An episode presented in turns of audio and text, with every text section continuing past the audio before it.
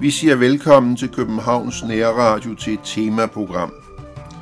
Og emnet det er konservatisme og kristendom.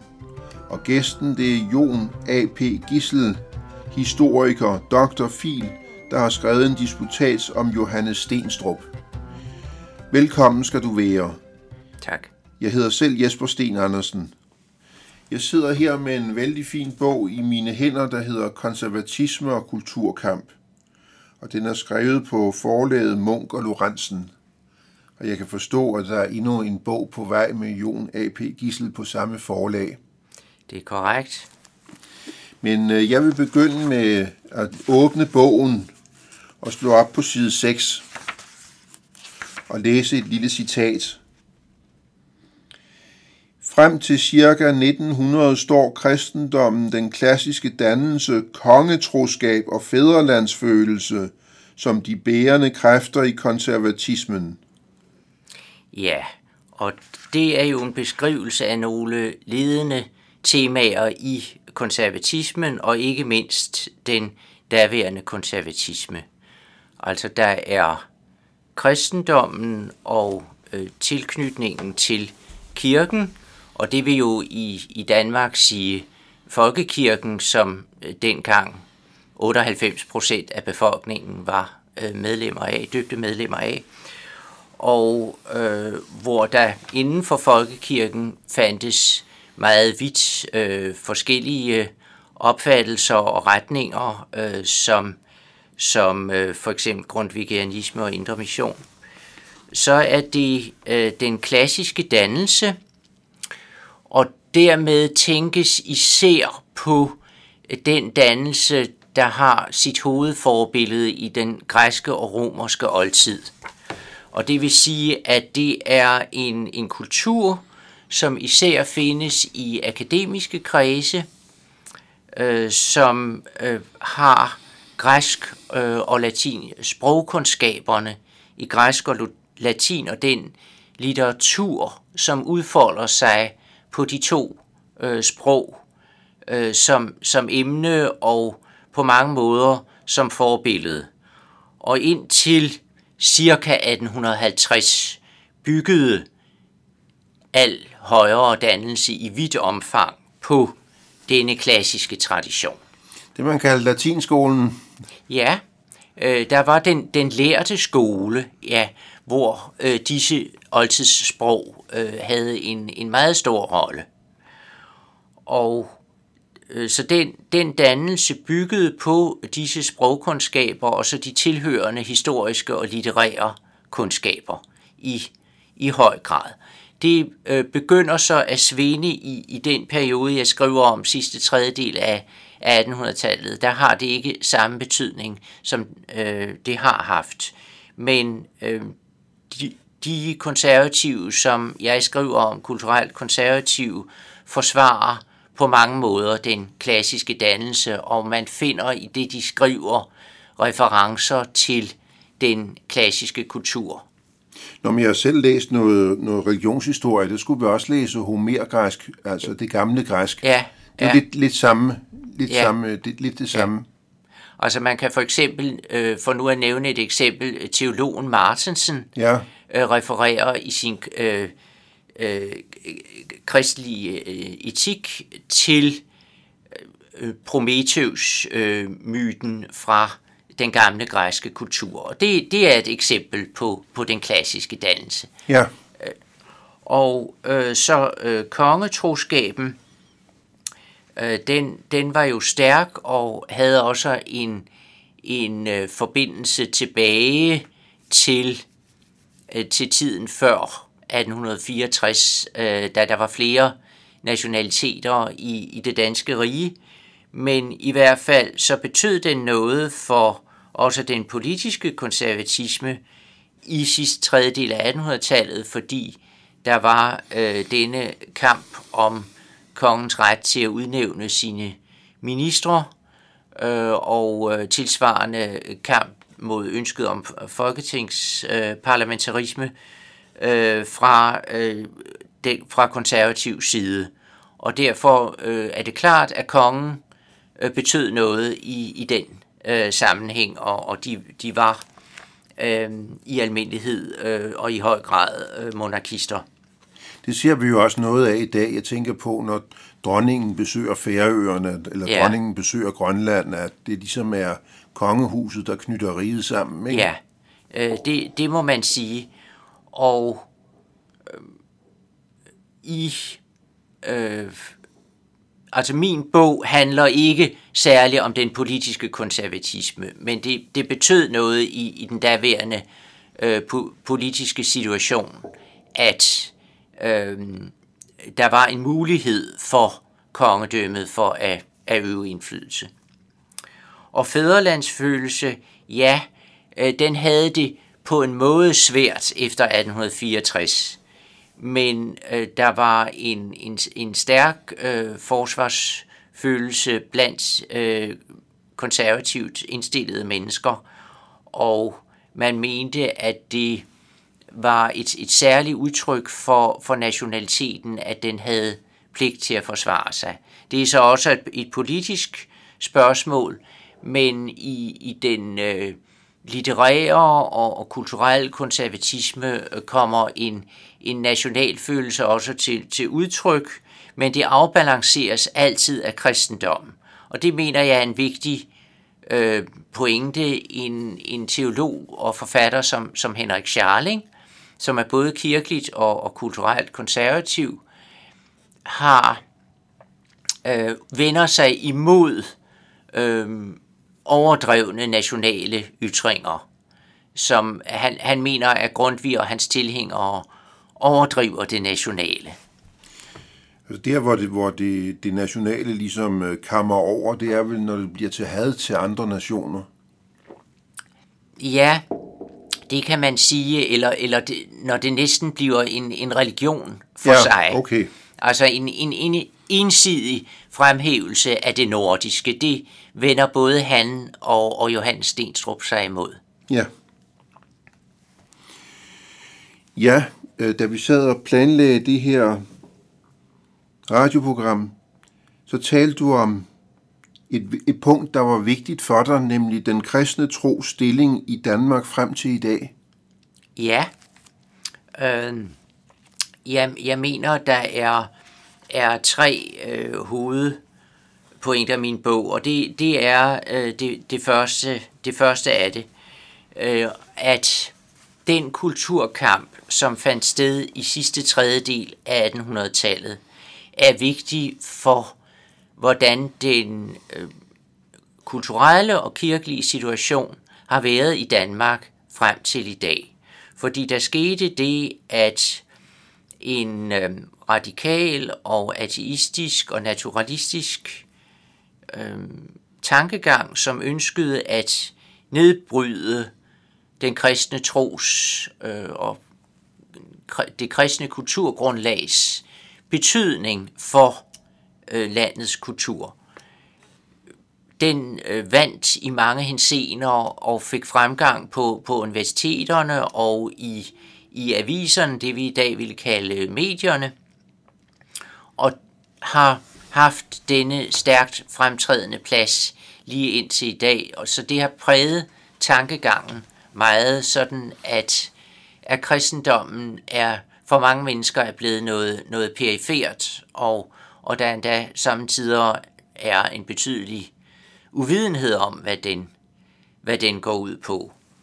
Og det kan øve indflydelse på, på konservatismen øh, i, i 1900-tallet, sådan at også i den tankegang, øh, måske fordi man har lyttet lidt for meget til modstanderne, at kristendommen trækkes tilbage, at det bliver noget, man ikke taler så meget om. Og øh, så øh, kan det betyde, at det nationale til gengæld kommer til at stå som det grundlæggende bærende, det afgørende bærende, alene inden for konservatismen.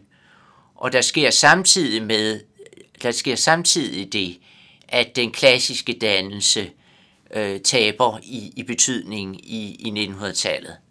Sådan at det i den konservative tankegang før det tidspunkt, før 1900, som viste ud over det nationale, øh, viste hen til de, de store europæiske kulturstrømninger. Øh, det taber i betydning i løbet af, af 1900-tallet. Sådan er i hvert fald i første halvdel af 1900-tallet øh, kommer øh, nationaliteten til at få stærk betydning blandt konservative, øh, som, det, som det, der samler dem og, og præger dem.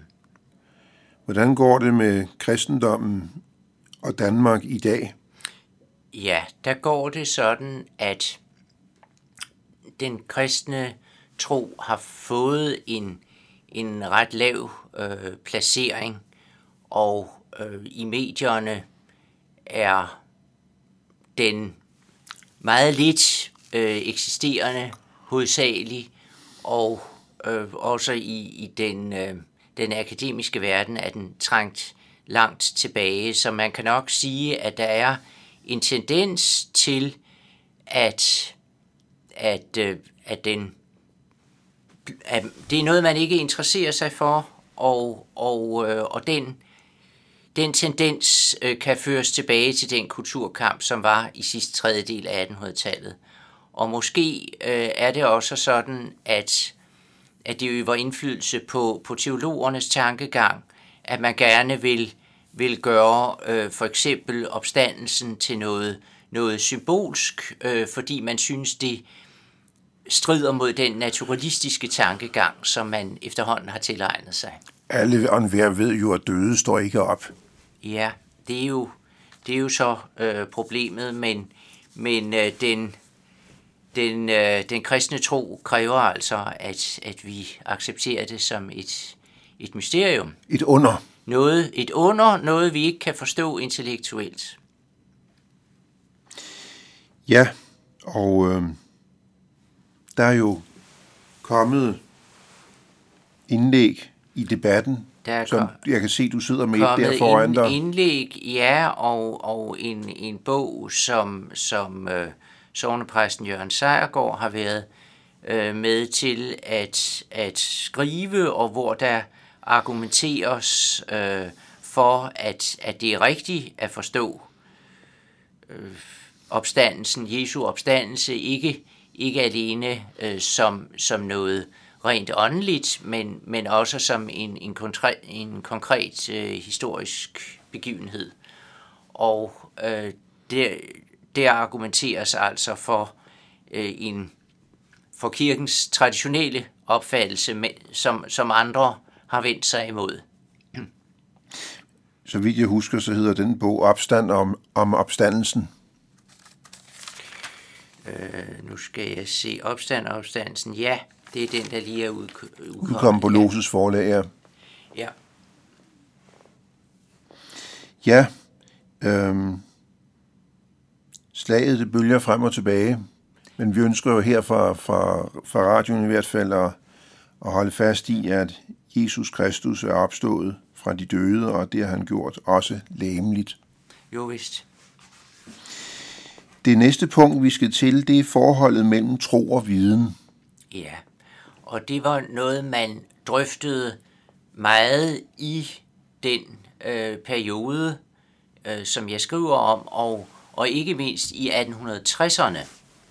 Og der var en, en stor debat, øh, hvor nogle af de personer, jeg trækker frem, ytrer sig. Der var teologer som, som øh, Martensen og Henrik Scharling, og der var en filosof, der hed Rasmus Nielsen, og en, en forfatter øh, ved navn øh, Rudolf Schmidt, øh, som jeg også skriver en hel del om, og som havde noget anden opfattelse. Men Martensen er vigtig i sammenhængen, fordi mm. han øh, argumen- argumenterer på en meget interessant måde for, at der er en sammenhæng mellem tro og viden. Altså at det ikke er to fuldstændig adskilte størrelser, som andre ville hævde. øh, Martensen skriver, at der er ikke kun øh, én tro og, og én viden, men øh, der kan være en tro på Gud og hans åbenbaring. Der kan også være en tro på fornuften eller på videnskaben. Og øh, hvad enten man nu har den ene eller den anden form for tro, så danner man en form for viden, som svarer til denne tro. Man argumenterer altså ud fra sin, sin, øh, sin tro. Hvis jeg skulle, om jeg så må sige, oversætte det øh, til nutiden, så vil jeg, vil jeg sige, der er altid i videnskaben noget før videnskabeligt, som har betydning for de spørgsmål, vi stiller. Der, der ligger altid en form for holdning bagved. Det er ikke ren iagtagelse det hele, selvom iagtagelsen og erfaringen betyder noget. Og det vil, det vil sige, at en holdning gør sig på en eller anden måde gældende i forhold til, hvad vi synes er vigtigt og mindre vigtigt at undersøge. Øh, så tro og viden hænger øh, på en eller anden måde sammen, øh, mener jeg også i dag, som, som Martensen var inde på. Ja. Og så de, de andre personer, jeg nævnte, Rasmus Nielsen og Rudolf Schmidt, var mere indstillet på at adskille tro og viden. Og det var ikke fordi, de kunne følge ateisterne og dem, der ønskede en rent værslig kultur. Det var sådan en slags nødløsning. Et, et forsøg på at redde troen øh, i en situation, øh, da den var under tiltagende angreb. Øh, så det var ikke fordi, de gjorde det ikke fordi, de havde en, en negativ opfattelse af kristendommen, men deres øh, nødløsninger, deres nødløsning havde nogle øh, nok nogle utilsigtede virkninger. Altså de bidrog til, at den kristne tro gled mere ud i, i periferien, okay. i, i kulturen og i debatten. Og det, det tror jeg ikke, øh, de har ønsket. Men, men, øh, men det, det fik den virkning, og Charling og Martensen argumenterede altså imod den ud fra et øh, mere klassisk teologisk standpunkt. Det næste punkt, som du gerne ville tale om, det var spørgsmålet om viljens frihed. Ja, og det er et af de helt store filosofiske spørgsmål.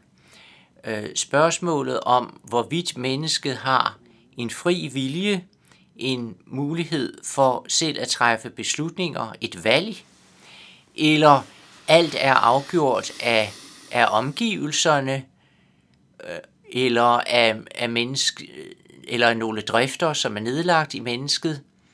Øh, kort sagt har øh, mennesket en mulighed for at indrette sit liv på en eller anden måde, at følge en, en bestemt linje, eller er det dikteret af noget. Altså øh, øh, arv og miljø. Det vil sige, øh, omgivelserne er det samfundsmaskineriet, der bestemmer alt, eller øh, er det forskellige øh, egenskaber, som er nedlagt i mennesket, altså drifter, som bestemmer, at man handler på en bestemt måde, uden at man egentlig har nogen afgørelse i forhold til det. Hvad vil du sige til sådan et skrift, som Martin Luther har skrevet, et skrift, der hedder Den trælbundne vilje? Ja, og øh, det øh, er interessant, fordi øh, i forhold til min bog, fordi de øh, teologer, øh, som, som jeg trækker frem her, altså øh, Martensen og Scharling, ikke mindst Scharling, øh, de forsvarer viljens frihed. Og ja. de var jo lutherske teologer, altså mm. de hørte til inden for, for folkekirken og, og øh, øh, har i mange henseender betragtet sig som, som øh, følgende en, en, en linje fra Luther. Ja. Men man må også tænke på, at det er to forskellige historiske situationer. Luther argumenterer øh, mod Erasmus fra Rotterdam, øh, på det tidspunkt, da, da han øh, løsgør sig fra, fra den katolske kirke.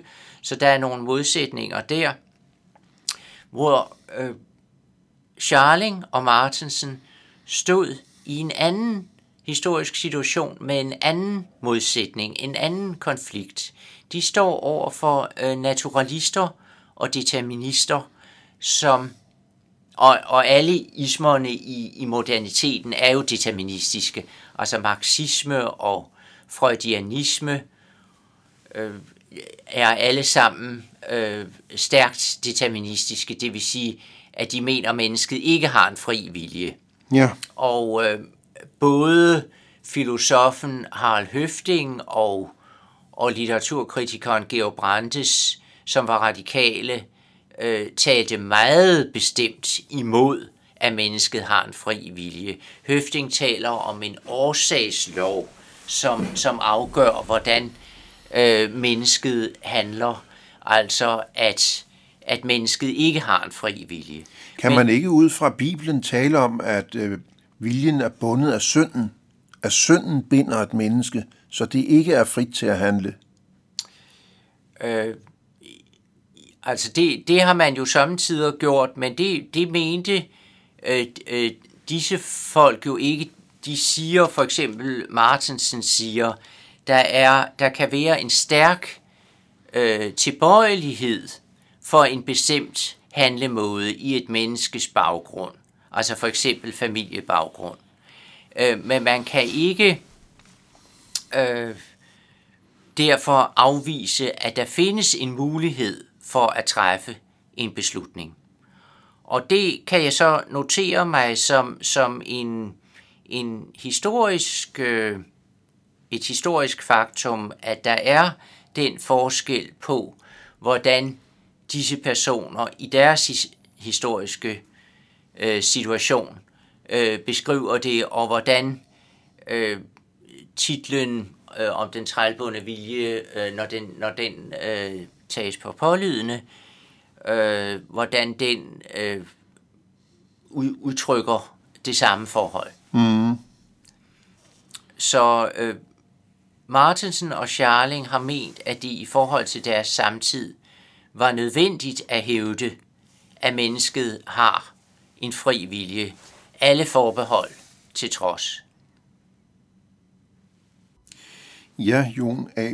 P. Gissel. Der er tale om både en kirkelig, en kulturel og en politisk konservatisme. Hvordan skældner du? Ja, den skældning er, er vigtig i min bog, og som sagt er det ikke Øh, den politiske konservatisme, som, som er mit emne i, i bogen. Men det er sådan, at den politiske konservatisme øh, beskæftiger sig med, med øh, øh politikken, og, og statsministerne på det tidspunkt øh, var ofte konservative. Og øh, så handler det dels om, hvordan man i situationen efter 1864 overhovedet kunne bevare Danmarks selvstændighed. Det handlede om forsvarsspørgsmålet, og det handlede også om kongens ret til at udnævne sine ministre.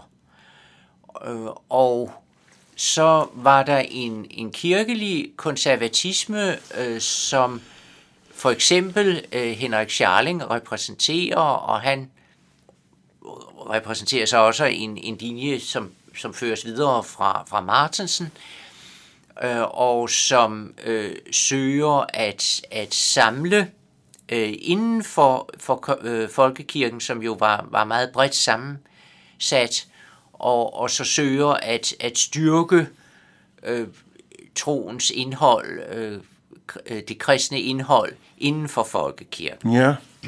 Øh, altså, man, man er imod modstander af en, af en rationalisme, men man vil arbejde inden for folkekirken. Og så, øh, og så med, forbundet med, med øh, en vis skeptisk over for en vis skepsis over for især øh, grundvigianismen, øh, til dels også Indre Mission.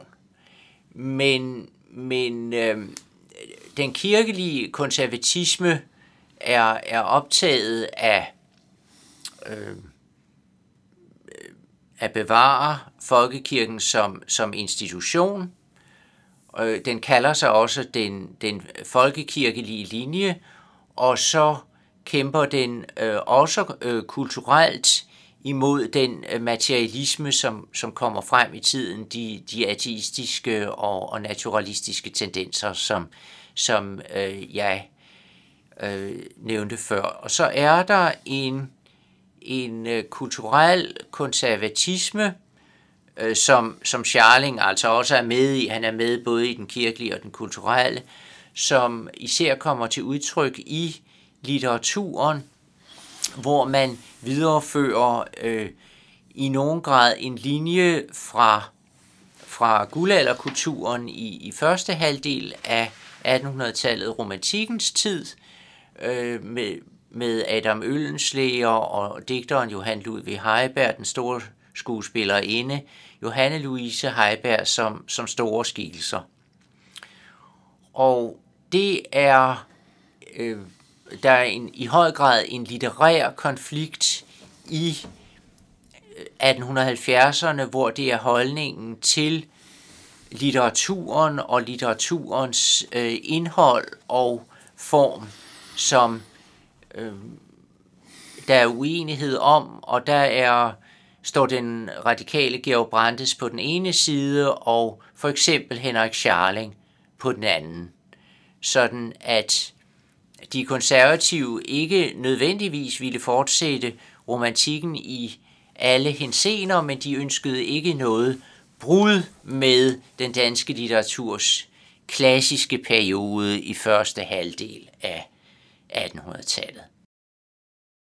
Det vi gerne vil ind på, det er nogle af de tidsskrifter, der var i den periode, du beskriver, fordi de er også vigtige. De er vigtige, og de øh, betyder ret meget i min, i min, øh, øh, i min bog. Øh, det er vigtige kilder. Øh, en, øh, en historiker interesserer sig jo meget for kilder, og, og øh, det er en vigtig øh, dokumentation af de forskellige synspunkter, som man kan få ud af tidsskrifterne. Det var jo sådan, at der var aviser og øh, tidsskrifter. Øh, tidsskrifterne udkom selvfølgelig noget sjældnere end mm. aviserne, men man havde jo ikke dengang hverken internet eller, eller tv eller radio. Så de, de medier, der var, øh, det var i betydelig grad øh, aviser og tidsskrifter. Så øh, der er meget dokumentation af de daværende synspunkter, og på begge sider, som kan findes i tidsskrifterne. Og hvilke tidsskrifter omhandlede så konservatismen? Ja, altså vigtige tidsskrifter på den konservative side. Det er dels et, der hed, der hed øh, Den Konservative, øh, som, som øh, dels øh, beskæftigede sig med den politiske konservatisme, men også med den kulturelle, og hvis øh, redaktør hed Jakob Davidsen, øh, som, som er, er lidt anderledes end, end de andre konservative øh, ved, at han, han var øh, knyttet til den jødiske menighed. Og så var der øh, de to folk, jeg nævnte før, forfattere, teologen Henrik Scharling og øh, Rudolf Schmidt, forfatteren Rudolf Schmidt, udgav i slutningen af 60'erne hver sit tidsskrift, øh, som er markante øh, for deres øh, synspunkter. Rudolf Schmidt hed, hed Idé og Virkelighed, og, og der kæmper han altså dels for det standpunkt, jeg nævnte før, med adskillelsen af tro og viden, og han bekæmper også materialismen, mens øh, Charling øh, i et eller to andre tidsskrifter øh, be, i, be, bekæmper materialismen, samtidig med, at han argumenterer øh, mod øh, denne, denne øh, filosofi, Rasmus Nielsens øh, filosofi, som var øh, fremme på det tidspunkt. Så øh, der er en forskel, men jeg synes, man kan sige, at den konservative side kom til at mangle disse tidsskrifter i den kulturkamp, som kom efter 1870, efter Georg Brandes øh, fremtræden med hans forelæsninger. Og øh, det var sådan, at hverken Charling eller øh, Rudolf Schmidt på det tidspunkt førte deres tidsskrifter videre, så ytrede de sig andre steder, men den konservative side kom i den kulturkamp til at mangle markante tidsskrifter. Der var senere forsøg på at oprette konservative tidsskrifter, men de blev ikke langlivede, og det øh, er nok øh, en, en af forklaringerne på, at, at de kom til at stå svagere i debatten, end, end deres øh, evner og det, de havde at sige, egentlig skulle tilsige. Altså, Georg Brandes, han kom jo til at stå som en modpol til konservatismen ja. i den periode, du taler ja. om. Og han var en ganske vigtig figur. Han var en vigtig figur. Han øh, angreb kristendommen i, i høj grad. Han angreb også øh, romantikken og, og ønsket om at bevare en, en forbindelse til, til øh, guldalderen. Og, og det var så en, en tendens, som øh, med ham øh, blev fremtrædende i den akademiske verden, også på Københavns Universitet, hvor folk som øh, Harald Høfting og en, en filolog, øh, klassisk filolog Heiberg, stod for den samme linje. Vi kan desværre ikke nå mere, fordi tiden iler, og de 45 minutter de er simpelthen gået. Jeg vil gerne sige tak til dig, Jon A.P. Gissel, fordi du lagde vejen forbi Københavns Nære Radio Studie. Tak til Jan Nørgaard, der sidder i teknikken. Jeg selv hedder Jesper Sten Andersen.